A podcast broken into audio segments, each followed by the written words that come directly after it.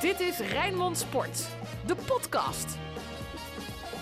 Een hele goede dag. We zijn in eigenlijk het vertrouwde drietal. Ik eh, voel me vereerd dat ik hier Dennis van Eersel en Sinclair Bisschop tegenover me mag hebben. Mijn naam is eh, Frank Stout. Sinclair, hoe is het met je? Want eh, je hebt een lekker lange vakantie gehad. Drie weken op vakantie en eh, ja, ja, helemaal klaar voor een, voor een nieuw voetbalseizoen dat nu weer gaat beginnen. En eh, ik moet zeggen, heb ik toch wel weer gemist, hè, na zo lang niet Ja? in, eh, in voetbalstadions geweest te zijn. Heb je het Gisteren- voetbal gemist of heb je Dennis eh, gemist naast je? Nou, alles. Ja. Nee, dat maar, maar, maar met name toch ook eh, het voetbal dat je dan toch weer bij bepaalde wedstrijden aanwezig bent. Ja, het begon wel wat te kriebelen. En natuurlijk, je moet wel schakelen, want het is wel een wereld van verschil. Of je in een leeg stadion zit om verslag te doen, of in een vol stadion. En alle, eh, gisteren hebben wij ook verslag weer moeten doen met mondkapjes op. Dat soort dingen Dat is zijn weer de eerste keer, hè? Ja, dus dat is, eh, dat is allemaal wel wennen. Maar En Dennis wist nog niet eens hoe hij hem op moest zetten. hij stond dat verkeerd. ja, ja je, je had hem andersom. Ja, dat, dat blijkt. Ja. Ja. Ja. Nou, weer wat Je geleerd. kreeg via Twitter kreeg een, ik zag eh, het, ja, was heel, een was een heel dat er een- vriendelijke dat er dame een die mij erop een Ja. ijzerdraadje aan de bovenkant Ja. zit om je neus. eh, Ja. En jij zat ook nog een beetje te handelsen met een mondkapje, Sinclair. Na afloop zag ik jou een stand-upper voor tv doen. Die eerste zat, ook, zat ook niet helemaal lekker. nou, in, die, in de perskamer van Fijn moet je dus ook je mondkapje op. Maar goed, met zo'n stand-upper leek het me handig om hem even af te doen. Maar ja, dan in mijn ooghoek zag ik advocaat al komen, dus snel dat mondkapje weer op. Nee, het is, eh, het is allemaal even wennen en eh, laten we hopen. Maar ja, voor hetzelfde geld, we weten niet hoe de wereld er over een maand uitziet. Dat alles dan ja, iets soepeler vergaat. Want Ik dit blijf is, eh, wel moeite hebben, jongens. Laat ik, eh, de podcast is ook om onze mening te geven. Ik Zeker. heb wel echt moeite met de willekeur die er Ja. eh, in Nederland is. Hè. Dan moeten we bij Feyenoord, Sparta en Excelsior moeten we dan mondkapjes op. Eh, in de Amsterdam Arena hoeft het dan weer niet. Bij PSV Vitesse hoeft het dan ook weer niet. Dit, dit zijn toch dingen die je ook eh, eh, in, in van die stadions die je dan toch landelijk moet regelen. Rood, wit, bloed, zweet. Geen woorden maar daden. Alles over Feyenoord. En dan kom je terug, eh, Sinclair. En dan zie je de wedstrijd Feyenoord tegen Twente. En dan denk je, was ik maar thuis gebleven? Eh, nee, want nogmaals, ik vond het weer leuk om in een voetbalstadion te zijn. En ik eh, realiseer me wel dat dit eigenlijk pas week 2, week 3 van Feyenoord in de voorbereiding is. En Maar normaal mag je dan gesproken... niet wel ietsje meer verwachten? Ja, als Feyenoord in de sterkste opstelling zou spelen, waarbij dus de automatismes meer aanwezig zijn, mag je meer verwachten. Advocaat gaf het na afloop ook toe. Hè. Eh, ja, voor ons was dit eh, echt eh, opbouwen van conditie. Ik heb ook letterlijk en figuurlijk helemaal geen aanwijzingen gegeven. Hij wilde volgens mij ook niet te veel prijs geven van wat Feyenoord wilde, aangezien Twente volgende week, volgende maand ook tegenstander is. Dus dan begrijp ik het wel. Kijk, normaal gesproken zou Feyenoord nu spelen tegen een amateurclub. en dan hadden ze waarschijnlijk met 5, 6, 7 of 8-0 gewonnen. En het is om spelers te zien.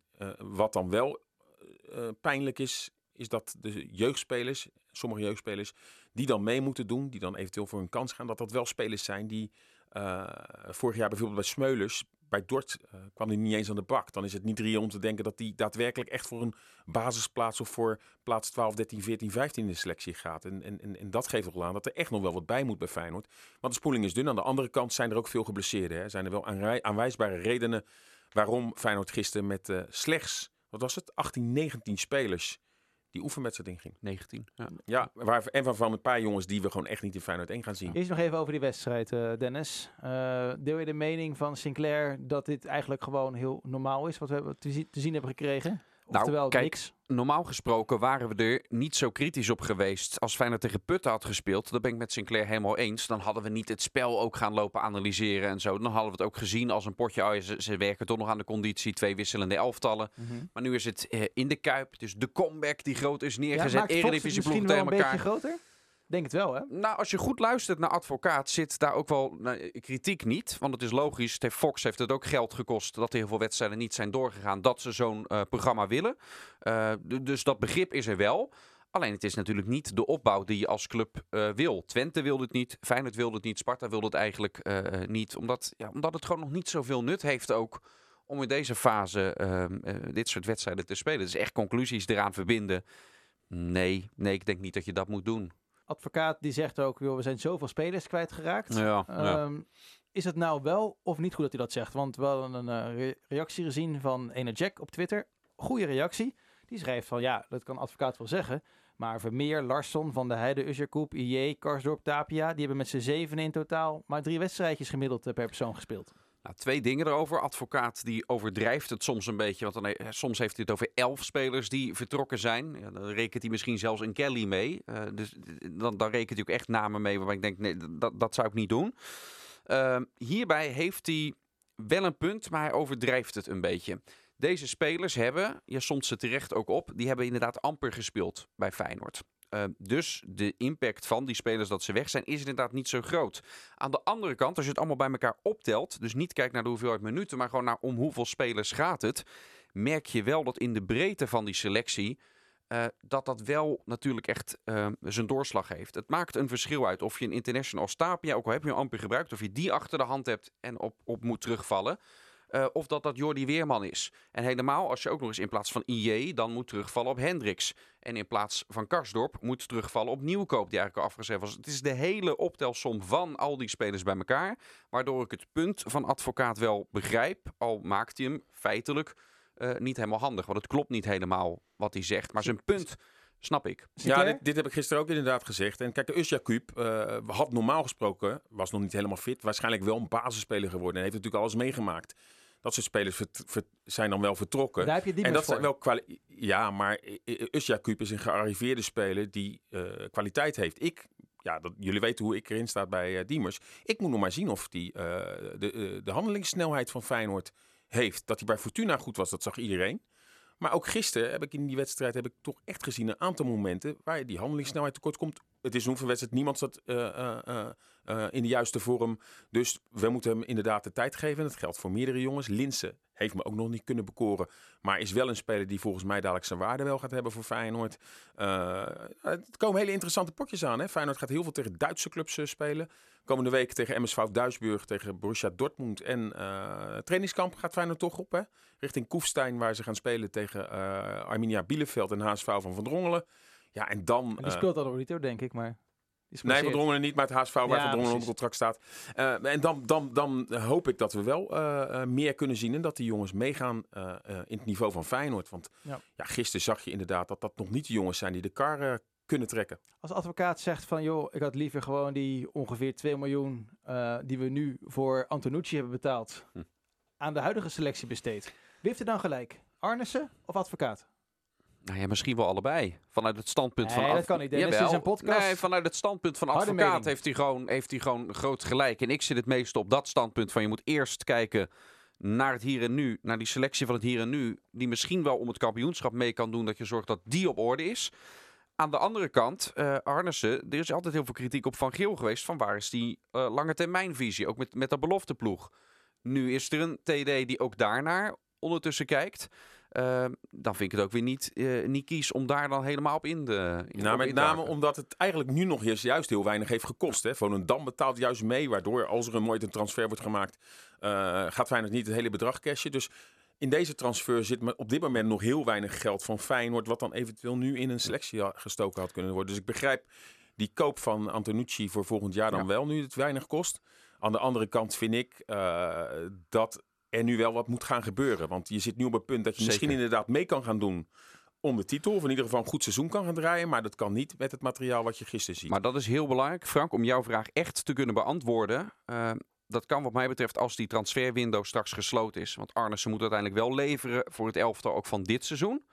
Die transfermarkt is nu lang open, tot en met oktober. Dat vertekent daardoor een beetje. Normaal gesproken nu eind augustus denk je, oeh, het wordt nu krap. Maar fijn, er is echt nog wel lang te gaan. Dat die selectie compleet gemaakt kan worden. Ja, het is wel zaak dat dat gebeurt. Ja, Als nu straks wel Antonucci is gehaald en eh Feyenoord komt eh, een linksback tekort in zijn selectie bij het eerste elftal dit seizoen. Ja, dan mag je daar echt wel eh, kritisch op zijn. De maar is een maar er is beetje- nog tijd. De pech is een beetje, en dat gaf advocaat in zijn allereerste persconferentie aan, van nou, als we helemaal gevrijwaard blijven van blessures, maar dat is niet reëel, dan zouden we het eventueel kunnen opvangen. Maar ja, een zware blessure van Van Beek, wat er weer voor zorgt dat je moet gaan investeren in een, eh, een nieuwe speler. Malasia die ineens geopereerd wordt. Dan hebben we natuurlijk de gevallen met spelers die eh, eh, corona oplopen, die nu ook een grote achterstand oplopen. Nou, normaal gesproken halen die de competitie wel. Weet je natuurlijk nooit. Hè? Het zou kunnen zijn dat, eh, dat er toch eh, eh, zodanig schade wordt opgelopen door, in, met longschade, et cetera, dat het echt lang duurt Ja. voordat ze eh Ik weer begreep, ik aanhaken. begreep Maar- dat beide spelers eh, dat Weinig ze klachten heel- hadden, klopt. eigenlijk geen klachten maar in de hebben. komende weken, dat is eigenlijk wat ik, wat ik bedoel, kunnen er wel spelers die corona oplopen, die dan wel langere tijd eh, eh, afwezig zijn. En, en daardoor moet je gewoon echt een grotere selectie gaan, eh, Ja. eh, smeden. Maar er is geen geld. Dus het is, ik lijkt me moeilijk voor een directie. Je, je moet een beetje op twee borden schaken. Aan de andere kant, stel nou, zeker nu eh, eh, bekend is geworden dat volgend jaar weer de nummer 1 rechtstreeks de Champions League gaat. De nummer 2 ook voorronde Champions League gaat spelen. Is het eigenlijk zaak om wel eerste of tweede te worden. Zodat je die miljoenen die je eventueel dan nu uit zou geven, misschien weer terugverdient. Het is echt schaken op twee borden. Maar wel gevaarlijk. Want eh, ehm, ja, met de selectie nu heb ik wel mijn bedenkingen. Als het zo blijft, of Feyenoord dan echt wel mee gaat doen om de titel. Ja, dat zei je van Feyenoord gaat wel meedoen om de titel. En Arnissen die zei van... Nee, dan moet er wel eh, ook verdedigend wat Mhm. bij. Eh, op het middenveld ook nog wel. Hopelijk dat misschien Ushakup alsnog gaat komen. Of een andere type speler die al gearriveerd is. prioriteit is een verdediger linksback of een centrale? Sowieso moet er verdedigend wat bij. Eigenlijk vind ik twee spelers. Eh, twee verdedigers Mhm. moeten erbij die eh, gewoon direct inzetbaar zijn. Een linksback, want je kan het denk ik niet alleen met haps eh, eh, kan je het, eh, kan je het opvangen. En gewoon nog een goede middenvelder. En dan weten we niet wat er nog allemaal gaat gebeuren. Of er nog spelers verkocht gaan worden. Want dat kan natuurlijk ook nog het geval zijn. Ja, misschien moet je wel straks uiteindelijk een Senesi gaan verkopen. Omdat je dan dat bedrag kan herinvesteren. Ja, Ja, Feyenoord voelt die druk in ieder geval nog niet. Hè. Gisteren heeft Arnes eh, Fox nog te woord gestaan. Werd er ook gevraagd naar Senesi opnieuw. Heeft hij echt benadrukt. Ja, wij, hoeven helemaal niet te, te verkopen. En, en ik weet ook met andere gesprekken van, van, van bronnen rondom de Kuip... Dat, dat ze echt hoog in de boom zitten voor Senesi. Af en toe zie ik op internet bedragen van 20 en zo voorbij komen. Daar doet Feyenoord het niet voor. Dus dan, dan moet het echt om een fors, toch vind eh, ik om een wel bedrag gaan. opvallend. Want 20 miljoen is een record eh, eh, transfer voor Feyenoord. Feyenoord heeft nog nooit 20 miljoen gevangen. En als je voor een speler 20 miljoen zou krijgen die je vorig jaar eh, voor pak een beetje 6 miljoen gekocht zou hebben, dat is 100% winst. Plus het feit dat, laten we eerlijk zijn, eh, hij het goed heeft gedaan. Ik zie de potentie. Maar we weten ook nog allemaal dat heel veel mensen kritisch waren na zijn eerste pak een beetje. Dus hij heeft misschien... Jawel, maar hij is wel Nee, steeds maar- beter geworden. Ja, maar hij heeft, in, dat, hij heeft 12, 13, 14 wedstrijden. Nee, maar ik bedoel, als je dan 20 miljoen... is het natuurlijk wel een, een heel groot bedrag voor een speler... die je nog nauwelijks... eh, ehm, ehm, ja, die, die- we hebben wel dingen van hem gezien die heel goed zijn... maar je hebt ook nog niet de garantie dat dit een verdediger wordt... die over, over drie, vier jaar in de Premier League bij een topclub speelt. Snap je wat ik bedoel? Ik snap en, wat, en als je dan wat je 14 bedoelt. miljoen in één keer kan pakken... Maar- en je kan daarmee je selectie dus versterken op de positie die nu nodig zijn... Ik vind het wel, eh, eh, laat ik het anders formuleren. Feyenoord heeft in het verleden ook een bod op, op Jurgensen onder het mom. Dat komt wel, dat komt wel. 17 miljoen. En nu zou je zeggen, joh, had dat eh, met een strik breng je hem nog voor 8 of 9 miljoen weg. Snap je wat ik bedoel?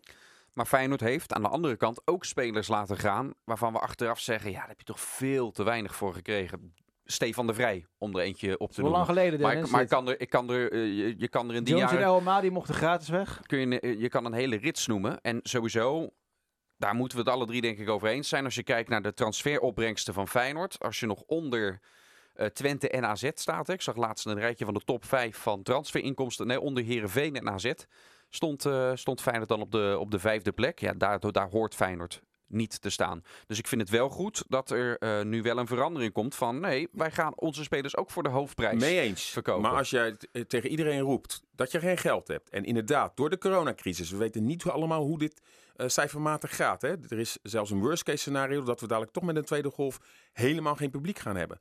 Dan is 20 miljoen ontiegelijk veel geld om in ieder geval die klap op te vangen en eventueel je elftal te versterken. En ik weet, het is pijnlijk om je beste verdediger eh, eh, eh, daar dan afscheid van te gaan nemen. Maar 20 miljoen, ja, ik vind nogmaals met de wetenschap. Ik heb ook de Guzman kon voor 13 miljoen, was toen veel geld. Naar City hebben ze nooit gedaan, liep transfervrij weg. Jurgensen, ik heb meerdere voorbeelden.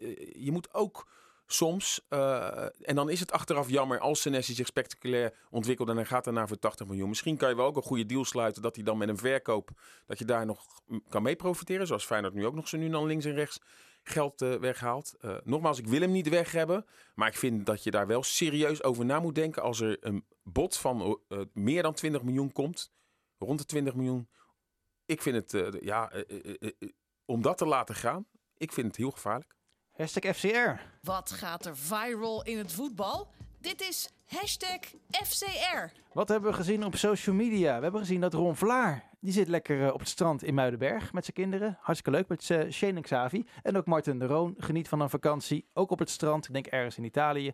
Samen met uh, een ploeggenoot van hem, Raymond Freuler. En dan zou ik ook eventjes mevrouw Freuler bekijken. Kiki, die blijft wel drijven in elk geval. Elia en Mahi gaan oh. lekker naar FC Utrecht waarschijnlijk. Plat weer. Ja, sorry. Daar is deze rubriek ook een beetje voor. Dat is wel... Nou, Elia heeft meerdere ijzers in het vuur, hè? Ja, maar hij heeft nu al uh, een paar gesprekken met Utrecht gevoerd, inderdaad. Zo, maar als je Elia en Mahi op de flanken hebt, zo, dat is het wel lekker hoor. Als ja, Elia nog net zo goed is. De, de, de, de top 3 gaan uh, bestormen. Uh, nou, dan mogen ze wel ietsje beter spelen dan van de week tegen Ajax. Aan de andere kant, daar komen we zo wel op. Ze winnen wel ook weer heel makkelijk van Excelsior in, in een helftje met de A-ploeg. Dus ja, wie weet, wie weet. En uh, jouw grote vriend Elvis Manu, Dennis. Ja, naar, uh, naar Bulgarije. Hè? Naar Ludogorets. Kampioen daar. Ja. Gaat voor de Champions League uh, spelen. Vanuit China. En, jawel, dan zijn we in China. En het is zover. Het heeft even geduurd. Ja, hij heeft gewonnen. Hij heeft gewonnen. Wij hebben gewonnen. Onze Rotterdamse enclave daar. Inderdaad, 1-0 van Dalian. De ploeg van Sambal Sam. Die, uh, die daar speelt. En van Rafa Benitez. Dus, ik denk dat het wel even nodig was. Want je weet hoe dat toch vaak met Nederlandse trainers in het buitenland is afgelopen. Ja. Doe ik een beetje op Frank de Boer, hè? Die, uh, nee, dan begin je aan een avontuur. er was al een trainer in, uh, in China ontslagen na vier, ja, nee, vijf rondes, een Italiaan. Als je dan dus, maar niet wint, dus dat is, dat is even lekker voor ja. die Nederlandse enclave. Dus Van Bronkhorst, Van Gastel, weet die, Arno Philips en uh, vriend Maar heb je ook de wedstrijd weer gezien? Vorige week kwam je echt met een hele tactische verhandeling. het was een strafschop gemaakt door de Israëlische spits Eran Zahavi. Zahavi. Ja, ook ja. uh, volgens mij topscorer daar geweest. Maar ik heb nu niet uh, de samenvatting opge opgezocht. Ook omdat die wedstrijd zou eigenlijk zaterdag gespeeld worden. Maar er was zoveel regen dat hij naar de zondag uh, ging. Nou, weten we dat ook. Ik zag ook dat Pelle weer een doelpuntje had gemaakt daar in China. Die blijft toch ook maar scoren? Ja, hè? lekker prima daar. Wie viel erop deze week? En op wie moeten we gaan letten? De Rijnmonder van de week. Zat je nou het verkeerde jingeltje in, Dennis? We gaan naar het voetbaloverzicht. Nou, ik denk we doen eerst even. Nou, doen we toch eerst de speler van de week? Nou ja, ik grijp gewoon even de lead hier. Nou, helemaal goed. Uh, zeg het maar. Wie zegt Mag je ook gelijk beginnen? Ja, dat is een goeie. Dan ga ik voor Tommy Beugelsdijk. Nog geen minuut gespeeld, maar ik, vind het, ik vond het wel de transfer van de week. Hè? Uh, als je toch als mister ADO en je verwacht eigenlijk dat hij daar zijn carrière uh, beëindigt, ineens een heel ander shirt gaat dragen in het rood en wit van Sparta. Ik vond het echt een verrassende move. En uh, ik ben toch benieuwd. Je hebt hem ook gesproken. Het blijft altijd een leuke jongen. Hij, had zich echt voorgenomen bij alle interviews, niet alleen bij ons, maar ook bij, uh, bij Fox en de NOS, van ik ga mezelf uh, serieus neerzetten. Want alle journalisten waren een beetje naar het kasteel gegaan. Oh, nu gaan we de quotes halen. Nu gaan we even lachen met, met Beugelsdijk. Die had geen zin om daar even klankje, ja, ik ik, te Maar ik vind het wel goed eigenlijk. Ja, natuurlijk. Hartstikke ja. goed. Hij, komt, het is er ook, hij komt er ook gewoon serieus om te spelen bij, bij Sparta. Ja, nee, Weet je, die, die leuke quotejes en zo, die komen nog wel een keertje dat moet ook, ik vind dat dat ook uh, op natuurlijke en wijze ik vond dat hij heel, uh, heel professioneel en heel volwassen overkwam. Hij is 30 geloof ik, hè? Net ja, vader geworden vader ook. ook. Ja. ja. Dus, uh, maar heb je me inmiddels al bedacht, Dennis? Jouw speler, jouw ja, ik, van de ja, week? ik zit de broeder rondom Feyenoord, maar het was dermate niet indrukwekkend. nee, hè? Dat ik, ik, ja, ik heb er geen. Ik heb er geen. Ik spreek mijn veto uit. Ik gebruik hem vroeg in dit seizoen. Maar... Ik heb er geen. Nou, dat is wel heel erg vroeg. Nou, heb, je, heb, heb, je nog 50 weken straks uh, ja, om ja, over na te denken. Zet je even de goede jingle nu in? Ja, ja, dat zal ik doen. Hoe staan de koppen en hoe zitten de noppen bij Sparta, Excelsior en FC Dordrecht? Dit is het Rijnmond voetbaloverzicht. We hadden het heel graag gehad over uh, Lens tegen Sparta. Maar ook bij Sparta zijn er uh, twee corona-gevallen. Ik denk dat die spelers het ook niet heel erg vonden hoor, dat die wedstrijd niet doorging. was echt zo'n trip uh, op één dag. Dus dat je vier uur heen in de bus naar Lans en vier Met uur een mondkapje. Met een mondkapje. Uh, maar aan de andere kant vervelend wel voor de technische staf. Oh, mooie club hoor, Lans. Ja, hele, hele mooie club. Um, maar vervelend, zei je? Ja, al, hoewel er zijn deze week nog twee oefenwedstrijden. Morgen spelen ze bij uh, Telstar en komen de zaterdag tegen NAC. Dus wat dat betreft is het niet zo dat ze uh, helemaal niet spelen. Voor NAC bijvoorbeeld. Zo, dat is zuur hè? Ja, dat is heel zuur. Die, uh, werden, vorige week werd de wedstrijd tegen uh, Dordrecht afgelast. En afgelopen weekend tegen ADO. Ja, en dan kan ik me voorstellen dat Maurice Stijn, de trainer daar nu, toch wel met zijn handen in het haar zit. Maar ja, voor Sparta naar Lans, dat leuk geweest. Maar ja, ik denk dat normaal die spelers, die zijn er niet zo rauw om geweest. Maar het is toch wel opmerkelijk hè. Twee coronagevallen ook daar. Link wordt natuurlijk gelegd omdat ze vorige week tegen Feyenoord speelden. Maar daar geloof ik niet zo in. Ik denk dat uh, ja, als je overal gaat testen. Ik denk als je hier zelfs bij Rijnmond gaat testen. Uh, uh, dat je er misschien ook altijd wel positieve gevallen tegenkomt. Hè? Want bijvoorbeeld bij Haps blijkt helemaal geen klachten te hebben. Als hij niet getest was, nou, dan had hij gewoon al die Ja. tijd... eh, eh, Mijn zusje ook. Hè? Mijn zusje die werkt in een eh, verzorgingshuis in, eh, in Hoek van Holland. En dat was echt in de piek van de coronatijd. Eh die voelde helemaal niks. Maar ja, omdat ze dus in een verzorgingshuis werkt, werd ze getest. En dat had ook corona. Ja, dus ik denk ja. dat je in die voetbalbranche blijf je dat houden dat er gevallen eh, komen. En als je dat heel goed managt en je haalt gelijk eh, eh, de desbetreffende persoon eruit, dan voorkom je een uitbraak. En dan, ja, dan moet je eigenlijk het schouderophalend mo- moet je het nieuws vernemen. Want Sparta gaf nu al aan dat de komende twee wedstrijden eigenlijk zeker wel doorgaan. Al komende gevallen. Ze gaan nu ook weer testen hè, vandaag. Ja, ze zijn wel rustig en kalm op het kasteel onder het nieuws. Niet dat ze ervan, niet, niet dat ze ervan schrikken van oeh, opeens twee coronagevallen. Ik denk inderdaad wat Sinclair zegt, alle betaald voetbalclubs zullen dit, eh, dit krijgen. Ehm, het, valt of staat natuurlijk allemaal uiteindelijk met wat Jens Toornstra in gesprek met jou eh, gisteren zei ook Sinclair. Van dat spelers professioneel eh, profvoetballers zijn nu. Er is iets extra's bijgekomen. Als je prof bent, moet je in je privé-tijd nu dus ook echt nadenken over wat je wel en vooral ook niet doet. Toornstra eh, gaat het interview ook op onze, onze, op onze site. Die, die zei ook wel dingen over. Ja, dan misschien een keertje minder uit eten. Het eten bij je thuis laten bezorgen. Eh, maar in ieder geval ook, dat is ook prof zijn. Om daar ook aan te denken. Ook, ook buiten het veld. En daar hebben al die spelers nu een verantwoordelijkheid in. Want je benadeelt heel je ploeg ermee. Als je ook al word je niet eens echt ziek. Of heb je niet eens echt klachten. En ook al besmet je misschien verder niemand.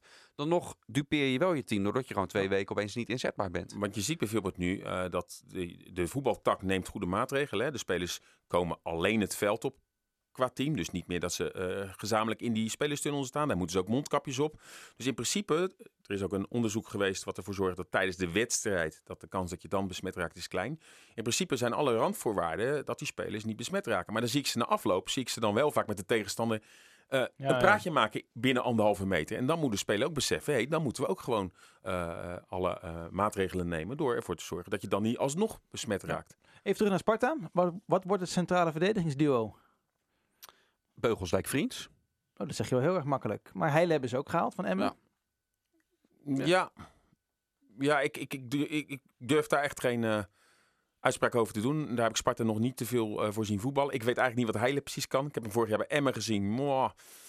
Heeft wel een, eh, een, een, een achtergrond in de jeugd van Anderlecht gezeten. Nou, Beugelsdijk weten we wat hij kan, maar is ook En wel... Is dat een logische aankoop geweest eigenlijk, de aankoop van Beugelsdijk? Nou, Beugelsdijk is toch een beetje een Matthij-type. Niet alleen van het eh, pakken van vele gele kaarten. Nee, maar wel een, een rots in de branding die goed kan koppen als hij mee naar voren kan. Achterin eh, ja, een, een, een, een no-nonsense verdediger die zich goed in een tegenstander kan bij. Dus die, die vervanging begrijp ik wel.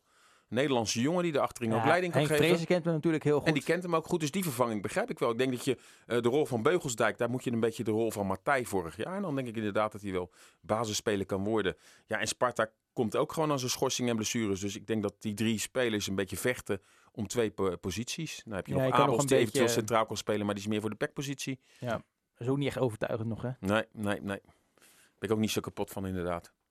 Nee, Vrees heeft hem echt gehaald. Beugelsdijk, er- er werd hem, eh, ik heb hem ook gevraagd van, joh, waarom wil je hem zo graag erbij hebben? Noemt hij eigenlijk maar één ding. En, en dan zegt hij, ja, dat is de winnaarsmentaliteit die hij heeft. Die hij meebrengt ook naar de rest van die ploeg. Het over lijken willen gaan, dat, dat miste hij nog een beetje in het team. Sommige spelers hadden het wel, maar niet in de gradatie zoals Beugelsdijk het had. Ik heb met Henk van Steen gesproken. Die zei, ja, eigenlijk het liefste eh, hadden we gewild om, om van een van de topclubs iemand te huren. Alleen bij alle drie de topclubs hebben ze in die linie zelf ook al problemen momenteel. Dus dat zou waarschijnlijk nooit gaan gebeuren. Ja, en dan, gaat, dan ga je verder kijken. Moet je dan iemand uit het buitenland halen die daar dan net niet heeft gered? Dan kiezen ze toch liever voor een Nederlands sprekende speler. Bij Sparta sowieso een team eh, waarbij dat qua communicatie natuurlijk ideaal is dit, eh, dit jaar ook. Ja. Eh, dus vandaar dat ze bij hem uitkomen. Ja, dan als je dat allemaal bij elkaar op, dat be- begrijp ik het wel. Ook al heeft hij wel dat beaamt hij zelf ook hoor, natuurlijk een dramatisch jaar achter de rug. Niet alleen ADO als geheel, maar Beugelsdijk zelf ook, want dit is ook een paar keer geschutterd. Ja, je hebt het over eh, spelers huren van de topclubs. Sparta wil graag weer Dante Rigo huren. Maar als ik dan Rick Elfrink eh, van het uh, Eindhoven Dagblad mag geloven... is PSV nog niet in de situatie om nu al te gaan verhuren. Nee. Dus dat kan nog wel even duren. En hoe lang wil je wachten en hoe lang durf je te wachten natuurlijk? Dat is wel interessant voor Henk van Stee. Ja, en dat heeft er natuurlijk ook mee te maken dat er een nieuwe trainer zit. Hè, en, en die wil eh, ja, al die spelers ook goed zien. Uh, aan de andere kant... PSV ze hebben heeft wel Vitesse- echt veel middenvelders Ja. hoor. Ja, maar wel heel veel dezelfde soort middenvelders. En het spel wat Smit wil gaan spelen, met- heel veel lopende mensen. Misschien dat Rigo daar toch ook wel weer eh, wat meer voor in aanmerking komt. Aan de andere kant weet PSV ook niet wat ze eventueel nog kwijtraken, omdat die transfermarkt zo Mhm. laat open is. Dus ik kan me wel voorstellen dat je dan niet al spelers nu al laat vertrekken. Wat voor meerwaarde heeft dat voor een trainer dat nu al te doen? Dan, meestal zeggen ze in de laatste weken, dan gaan wij onze spelers Ja, verhuren. alleen en je dan moet heb nu langer beeld. wachten. Je moet nu tot Ja. oktober wachten. Dus moet je langer wachten en gaan ploegen dus wel al beslissingen nemen door dan andere spelers te gaan halen. Ehm, en eigenlijk wel logisch. Excelsior verloor met 5-1 van FC Utrecht. Ruststand was daar 0-0, omdat Excelsior in de eerste helft tegen een B-ploeg van Utrecht speelde. Jij bent daar wel geweest, niet bij die wedstrijd, maar wel op het trainingskamp in Delden, waar zo 125 jaar eh, komen ongeveer. Sinds eh, de opa van eh, Simon Kelder daar ooit naartoe ging. Ja, mag ik wel nog een mooi gebaar vertellen? Want Excelsior gaat er al, ging er al twintig jaar naartoe. Eh, de rode loper werd vorig jaar ook letterlijk en figuurlijk uitge, eh, neergelegd toen ze daar aankwamen. En dit jaar kreeg eh, dat apart hotel in Delden maar geen telefoontje van Excelsior voor de trainingskamp. Dus op een gegeven moment heeft, hebben de eigenaren van het hotel zelf naar Excelsior gebeld van waar blijven jullie? Komen jullie dit jaar niet? Toen zei Excelsior eerlijk naar door de coronacrisis kunnen wij dit jaar niet komen, kunnen we financieel niet opbrengen. En twee dagen later hebben ze een telefoontje gekregen, weet je wat, om, we kunnen niet zonder jullie, kom maar op onze kosten. Dus Excelsior heeft daar op de kosten van dat Zo. hotel, en dat vind ik wel een heel mooi gebaar, want Sparta zat daar bijvoorbeeld ook twee weken geleden, de- een Deense ploeg gaat er altijd heen, Noord-Zeeland. En ja, dat vind ik wel in deze coronatijden een heel mooi gebaar. En Excelsior Zeker heeft ook omdat die branche zelf natuurlijk ook Ja, keihard ja, geraakt ja. eh, wordt. Vind ik heel mooi. En ze hebben ook nog een, eh, een, eh, een, een barbecue aangeboden gekregen. En Excelsior heeft in de, in, in de media daar, in de kranten daar, een mooie advertentie neergezet met bedankt. En, eh, dus de komende 20 jaar is Excelsior nu als stad verplicht om er ook weer heen te gaan. Maar ik vind dat dat, dat nog kan. Vind ik dat dat wel Ja, gezegd mag worden. Erg mooi. En eh, ja, Excelsior heeft daar denk ik heel goed kunnen toewerken wel naar die competitie. Eh, mooie, eh, mooie accommodatie. Ze hebben daar twee keer geoefend. Eén keer tegen een vierde klasse. Niet zoveel tegenstander, maar dat is een veredelde trainingspot. En op de terugweg zijn ze dan tegen Utrecht gaan, voetballen. Ik moet zeggen, het Utrecht dat ook heel veel wisselde. En in de tweede helft kwam er wel een sterk Utrecht, de eerste helft niet. Eh, en Excelsior mist nog wel wat spelers. Hè, die, eh, bijvoorbeeld Bruins kon niet meedoen door een blessure. Eh, ja, van der Meer is op de weg terug. En er waren nog een paar spelers die... van Rooij heeft maar een helftje gespeeld. Die dan nog niet helemaal inzetbaar waren. Dus ik denk dat dat wel goed gaat komen. Excelsior heeft natuurlijk al... Ja, maar je zegt goed komen, maar wat, wat is goed komen? Ze gaan geen kampioen worden. Normaal gesproken niet, nee. Nee, want ik heb Cambuur tegen de Emmen Graafs- gezien. En ik heb Ja. een Graafschap gezien tegen, Ja. Heren, tegen Heerenveen. Ja, ik had wat tijd over. Het waren wel goed hoor. Ja, normaal gesproken niet. Maar ook daar kan er, kan er de komende weken nog wel wat gebeuren met spelers die weggaan. Eh Excelsior zou nog kunnen versterken. En ja, het belangrijkste voor Excelsior is, want ze hebben de selectie grotendeels intact gehouden, om ervoor te zorgen dat die balans eh, beter is dan vorig jaar. Hè? Want toen was het, eigenlijk konden ze bijna elke wedstrijd wel winnen. Stonden ze weer 4-1 voor, werd het alsnog 4-4. Ja, we weten allemaal die vele tegendoelpunten. En daar is aan gewerkt. Dus eh, ja, als Excelsior rond de derde, vierde plaats gaat meedoen, dan eh, doen ze het toch geweldig. Dat denk ik ook. En Dordrecht hebben zoveel nieuwe spelers. Hebben hun eerste overwinning eh, geboekt. Weliswaar tegen amateurs. Excelsior Sluis 3-1 eh, werd het. Krijgen deze week nog een, een back van Red Bull Leipzig erbij. Een linksback. En eh, nou, daar hebben, die hebben we allemaal nog niet echt gezien. Hè, Dordrecht. Daar gaan we niks, eh, kunnen we niks zinnigs over zeggen nog. Nee, tegen ASWH heb ik, eh, hebben, hebben we toen een stuk eh, natuurlijk kunnen zien. Maar dat, eh, Ja, die verloren ze. als dat het niveau gaat zijn dit seizoen, dan wordt het een, een zwaar seizoen. Ja, Maar, er komen nog wel wat spelers bij. Polly is er nu ook weer bijgekomen. Die jongen inderdaad van Red Bull komt er mogelijk bij. Ehm, ja, toch, als je kijkt een beetje naar de namen, kan het alleen maar beter en gaat het denk ik beter. het, het kan alleen maar beter, toch? Ja, en ik, ik, ik, ik weet ook niet hoe heel veel andere eh, ploegen... Ik ga morgen Excelsior Helmond Sport zien. Helmond Sport, toch ook een beetje een lelijk... Woensdag, toch? Eh, woensdag, sorry ja. Eh, en Telstar zie ik morgen. Telstar is ook Sparta? leeggehaald, hè? Ook Carcouche weg en alles. Dus, en die hebben zich niet versterkt. Dat zou minder kunnen worden. Helmond Sport de laatste jaren al toch al een beetje ook een lelijk eentje in de eerste divisie. Dus wat dat betreft kan Dordrecht misschien wel boven dat soort ploegen gaan eindigen. Ik bedoel, ze hebben zich toch relatief goed versterkt. Alleen, het komt er nog niet echt uit. Vond je de rentree van Sinclair eh, goed, eh, Dennis? Nou ja, ik heb de de vorige week al genoten van het verslag. Ik vond dit ook weer heel, heel fijn. Ja? Het is nu een flink aantal jaren dat wij samen eh, al die potjes doen. Dus ja, wel weer echt het gevoel Ja. van hé, we zijn. het, Maar als- het is weer terug. Als hij als die per woord uitbetaald krijgt, verdient hij wel meer dan jij, Dennis.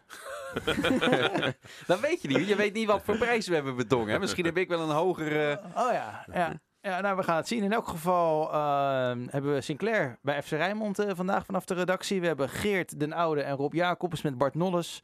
Dus Nou. het wordt een, eh, een mooie uitzending.